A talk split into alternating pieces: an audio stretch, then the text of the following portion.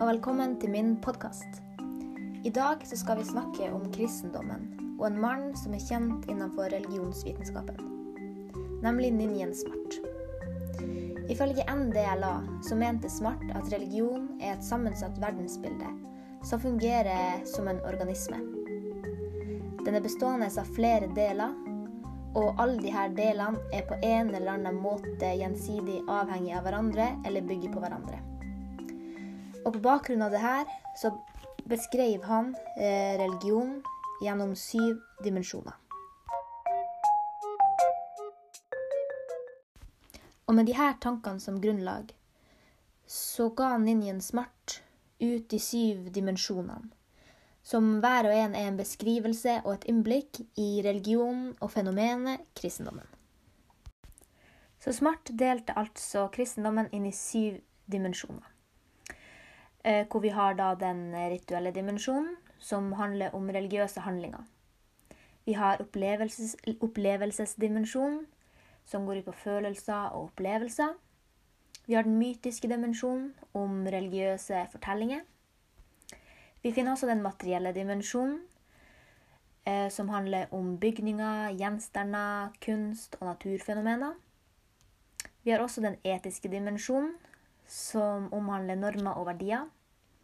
Så har vi den læremessige dimensjonen om trosformuleringer og sentrale tanker. Og til slutt så har vi den sosiale dimensjonen, hvor fellesskap og organisering står sterkt. Videre i denne podkasten skal jeg gå dypere inn i disse dimensjonene. Jeg skal prøve å gjøre meg opp noen egne meninger og tolkninger og se om jeg er enig med Smart sin sammenligning av religion i forhold til en organisme. Eh, og da prøve å trekke noen paralleller.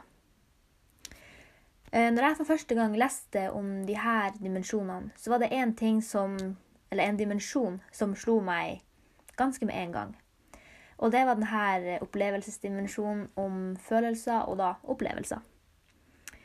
Eh, det som slo meg, var at jeg tenkte at det her må jo være en slags byggestein for alle dimensjonene. Uh, og gjennom denne podkasten skal jeg da prøve å forklare både hvorfor og hvordan jeg mener at det her, eller at opplevelsesdimensjonen er en grunnmur for hele kristendommen som religion. Så det jeg tenker i dag, er at vi skal starte å snakke om den rituelle dimensjonen før vi etter hvert skal prøve å knytte på de andre. Og prøve å rett og slett få en liten rød tråd, en sammenheng mellom alle dimensjonene. Så den rituelle dimensjonen som omhandler de religiøse handlingene. For mange, eller i hvert fall for meg sjøl, så er det denne dimensjonen som jeg har mest kunnskap om fra før av, og det er nok den dimensjonen jeg tenker på først når jeg hører ordet religion eller kristendom. da. I det evangelske protestantiske kirkesamfunnet, som er det største, eller størst, mest utbredte kirkesamfunnet i Norge, så har vi da to sakramenter. Og sakramenter er da kristne ritualer som skal symbolisere en slags guddommelig nåde. Det første sakramentet vi har, er da dåp.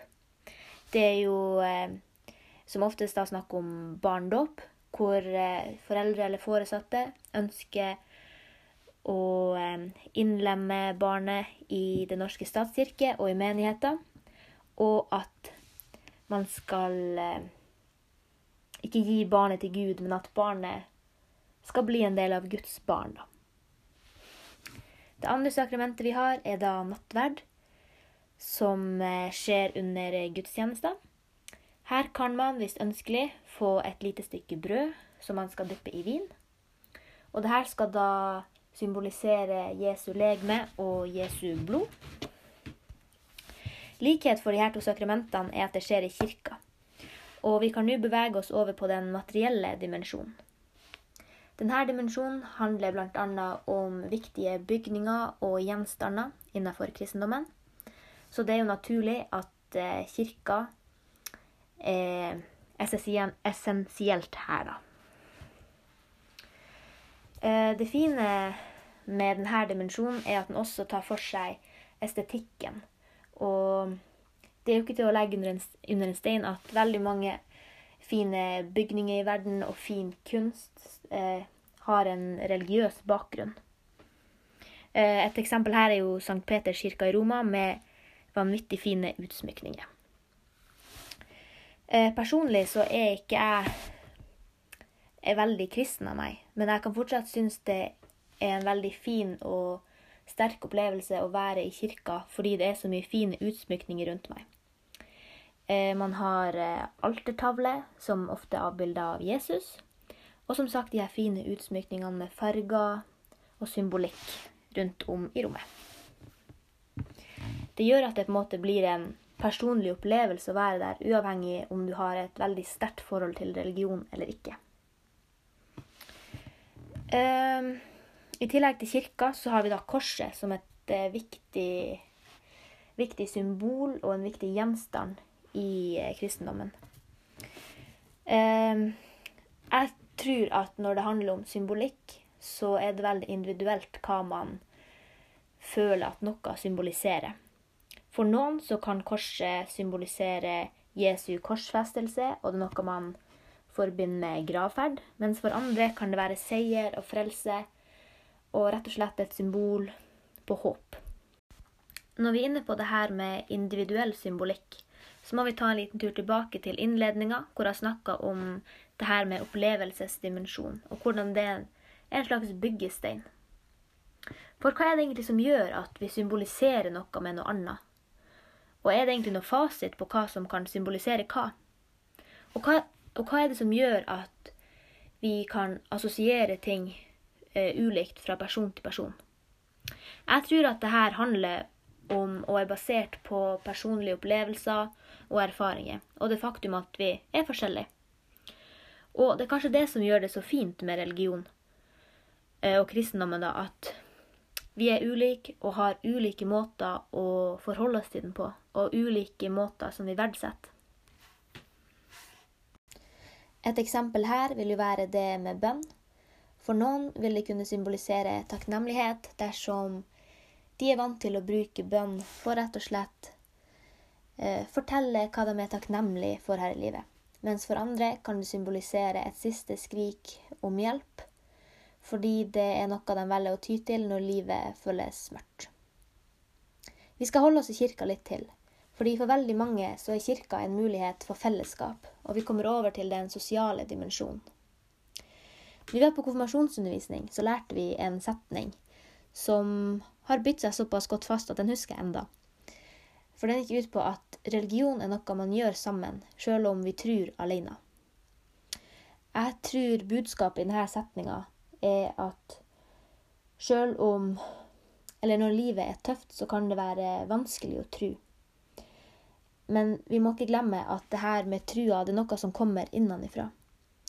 Og i perioder hvor det kan være vanskelig å tro, så, så vil det for mange være en litt det vil gjøre det lettere å tro fordi man vet at man er ikke alene. Nettopp fordi man er sammen eh, i et slags fellesskap. Selv om vi utøver religion forskjellig og har ulike måter å forholde oss til den på, så er man fortsatt en del av et fellesskap. Og at det for veldig mange betyr enormt mye, da. I tillegg så er jo, eh, hvis vi går tilbake på gudstjenester, så er jo det en veldig fin samlingsplattform for mange. Eh, her er vi også forskjellige. Noen går i kirka fordi det er veldig viktig for dem som troende og gå i kirka. Mens for andre så er de der rett og slett for det er et fysisk fellesskap. Du går dit for å møte andre, og du blir på en måte tatt imot uansett hvem du er og hva du tror. Og igjen så kommer vi da naturlig inn på det her med opplevelsesdimensjonen. For hva er det som gjør at man velger å igjen og igjen gå i kirka? Jo, det er fordi man sitter igjen med en positiv opplevelse. Enten at fellesskapet har Ja, kanskje det har gjort at du har følt håp. Kanskje bare det å være sammen med andre har eh, bidratt positivt på deg. I sted så var vi inne på det her med materiell dimensjon. Og da er vi jo selvfølgelig nødt til å komme inn på Bibelen som da er de kristnes hellige skrifter. Og på Store norske leksikon så kan vi lese at vi kaller Bibelen for kanonisk. Dette betyr da at den er anerkjent av kirka som en slags rettsnor og regel for lære og liv. Eh, I forhold til dette så skal vi nå komme litt inn på den etiske dimensjonen og den læremessige dimensjonen. Og jeg valgte å snakke om de her fordi de går veldig tett opp i hverandre. Og samtidig som man kan bruke den ene for å støtte opp under den andre, så kan også de her to dimensjonene skape problemer for hverandre. nettopp fordi de sier litt forskjellige ting. Hvis vi starter med den læremessige dimensjonen, som handler om sentrale tanker, som da er tanker som skal hjelpe deg å leve et best mulig liv som kristen. I Bibelen så finner vi jo f.eks. i ti bud. Her står det bl.a. at du skal ikke slå i hjel, og du skal ikke stjele. Og ja, det er jo forholdsvis greie tanker å ha med seg i livet, for det er jo ting som vi ikke ønsker å ha et samfunn som består av. Men samtidig så finner vi også eh, budet som omhandler at du skal ikke bryte ekteskapet. Og ja, eh, nå er Bibelen fra en helt annen tid enn den vi lever i i dag. Og på den tida så ble det sett på Det var ikke mulighet engang å bryte ekteskapet. Men hvis vi ser på hvordan tida har utvikla seg i dag, så er det blitt mer og mer vanlig at man rett og slett går ut av et ekteskap. Eh, og med den læremessige dimensjonen i hodet, så kan vi gå over til den etiske dimensjonen, som handler om normer og regler som er knytta til verdier. Og ja, man er kristen og ønsker å følge Guds budskap. Men vil det være etisk rett å fortsette å være i et ekteskap hvis det ikke lenger gjør deg glad, og hvis det ikke er givende for begge parter? Eller vil det rett å fortsette å være i et ekteskap hvis det er et ekteskap som består av fysisk eller psykisk vold? Det er et etisk dilemma, og et ja, kan være et veldig stort problem for mange. Sånn sett så er vi veldig heldige som lever i den delen av verden vi gjør, og hvor vi har muligheten til å gå ut av et ekteskap dersom vi ønsker det. Men likevel så er det et etisk dilemma for mange. Og her kommer vi da inn på det her med normativ og deskriptiv religion. Dersom du følger den normative religionen, så ville du valgt å ikke bryte ut av ekteskapet fordi du, skal, fordi du ønsker å følge de eh, normene og reglene som er satt, til punkt og prikke. Eh, følger du dersom Nei. Dersom du velger å følge den eh, deskriptive religionen, så velger du å forme trua mer etter virkeligheten, og man tar hensyn til at tida går videre. Hvis vi bruker det eksempelet igjen med ekteskap, så er det jo mer og mer vanlig at folk skilles. Aldri, folk har jo aldri skiltes oftere enn de gjør nå, og det blir mer og mer vanlig. Så den deskriptive religionen betyr rett og slett at religion lar seg påvirke av samfunns, samfunnsutviklinga. Om dette er en bra eller dårlig ting, det kan man jo selvfølgelig diskutere opp og ned i mente, og folk vil alltid ha ulike meninger. Men personlig så tenker jeg at det er en fin ting. Og hvis det å endre på religion, eller tilpasse den den tida vi lever i, gjør at religion kan være en fin ting for flere, så er det en positiv ting. Når vi er inne på det her med Bibelen, så kan vi også bevege oss inn i den mytiske dimensjonen. For myter, altså fortellinger som skal ha en slags forklarende funksjon på hvorfor noe er som det er, eller hvorfor noe skal skje, eh, de stiller ofte de her eksistensielle spørsmålene. Eksempelvis så finner vi jo en skapelsesmyte i Bibelen, om hvordan eh, Gud skapte verden og menneskene på syv dager. For mange kan det her høres litt surrealistisk ut. Men selvfølgelig så er det noen som velger å holde fast ved denne teorien. I tillegg så jo, fins finnes det jo myter som sier noe om livet etter døden. Og altså at man kommer til himmelen. Uh, og det her kan for mange være fint å tenke på. Men så er det jo sånn her med myter at de er ofte ment som et symbol på noe annet. Og at man derfor ikke nødvendigvis skal tolke dem bokstavelig. Det her med skapelsesmytene, det kan jo være et symbol på at vi må være takknemlige og takke Gud fordi det er Han som står bak alt liv på jorda. Eh, på samme måten som at myter om livet etter døden og himmelen er et symbol på et samhold og gode minner eller relasjoner mellom de som lever på jorda, og de som har gått bort før oss. Etter å ha satt meg inn i Smart sine syv dimensjoner, så har jeg funnet ut av at jeg er enig i hans sammenligning mellom eh, kristendommen som religion i forhold til en organisme.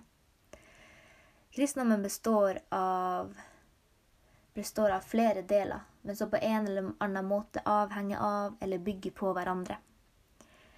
Fellesskapet eh, i kristendommen hadde ikke vært det samme uten en kirke, fordi det er et samlingssted og en trygg plass for så enormt mange. Selv om de fleste i dag lever etter en deskriptiv religion, og at de tilpasser seg tida vi lever i, så ville ikke det vært det samme hvis man ikke hadde lover og regler å følge. Som jeg sa innledningsvis, så mener jeg at opplevelsesdimensjonen er en byggestein innenfor kristendommen, og egentlig for religion og livet generelt.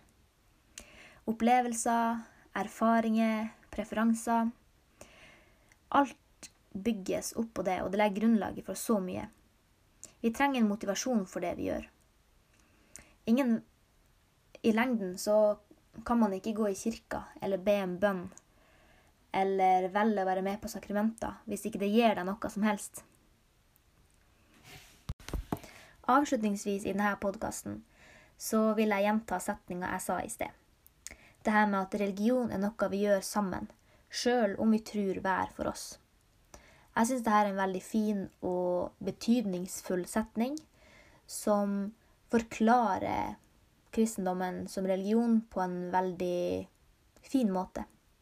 Selv om det her med tru til syvende og sist er noe som må komme innenfra, og noe du må ha en indre drive for sjøl, uansett i hvordan grad eller hva du velger å tro på, så er det fortsatt det her å vite at du har et helt fellesskap bak deg, og at man ikke er alene, sjøl om man noen gang føler det sånn.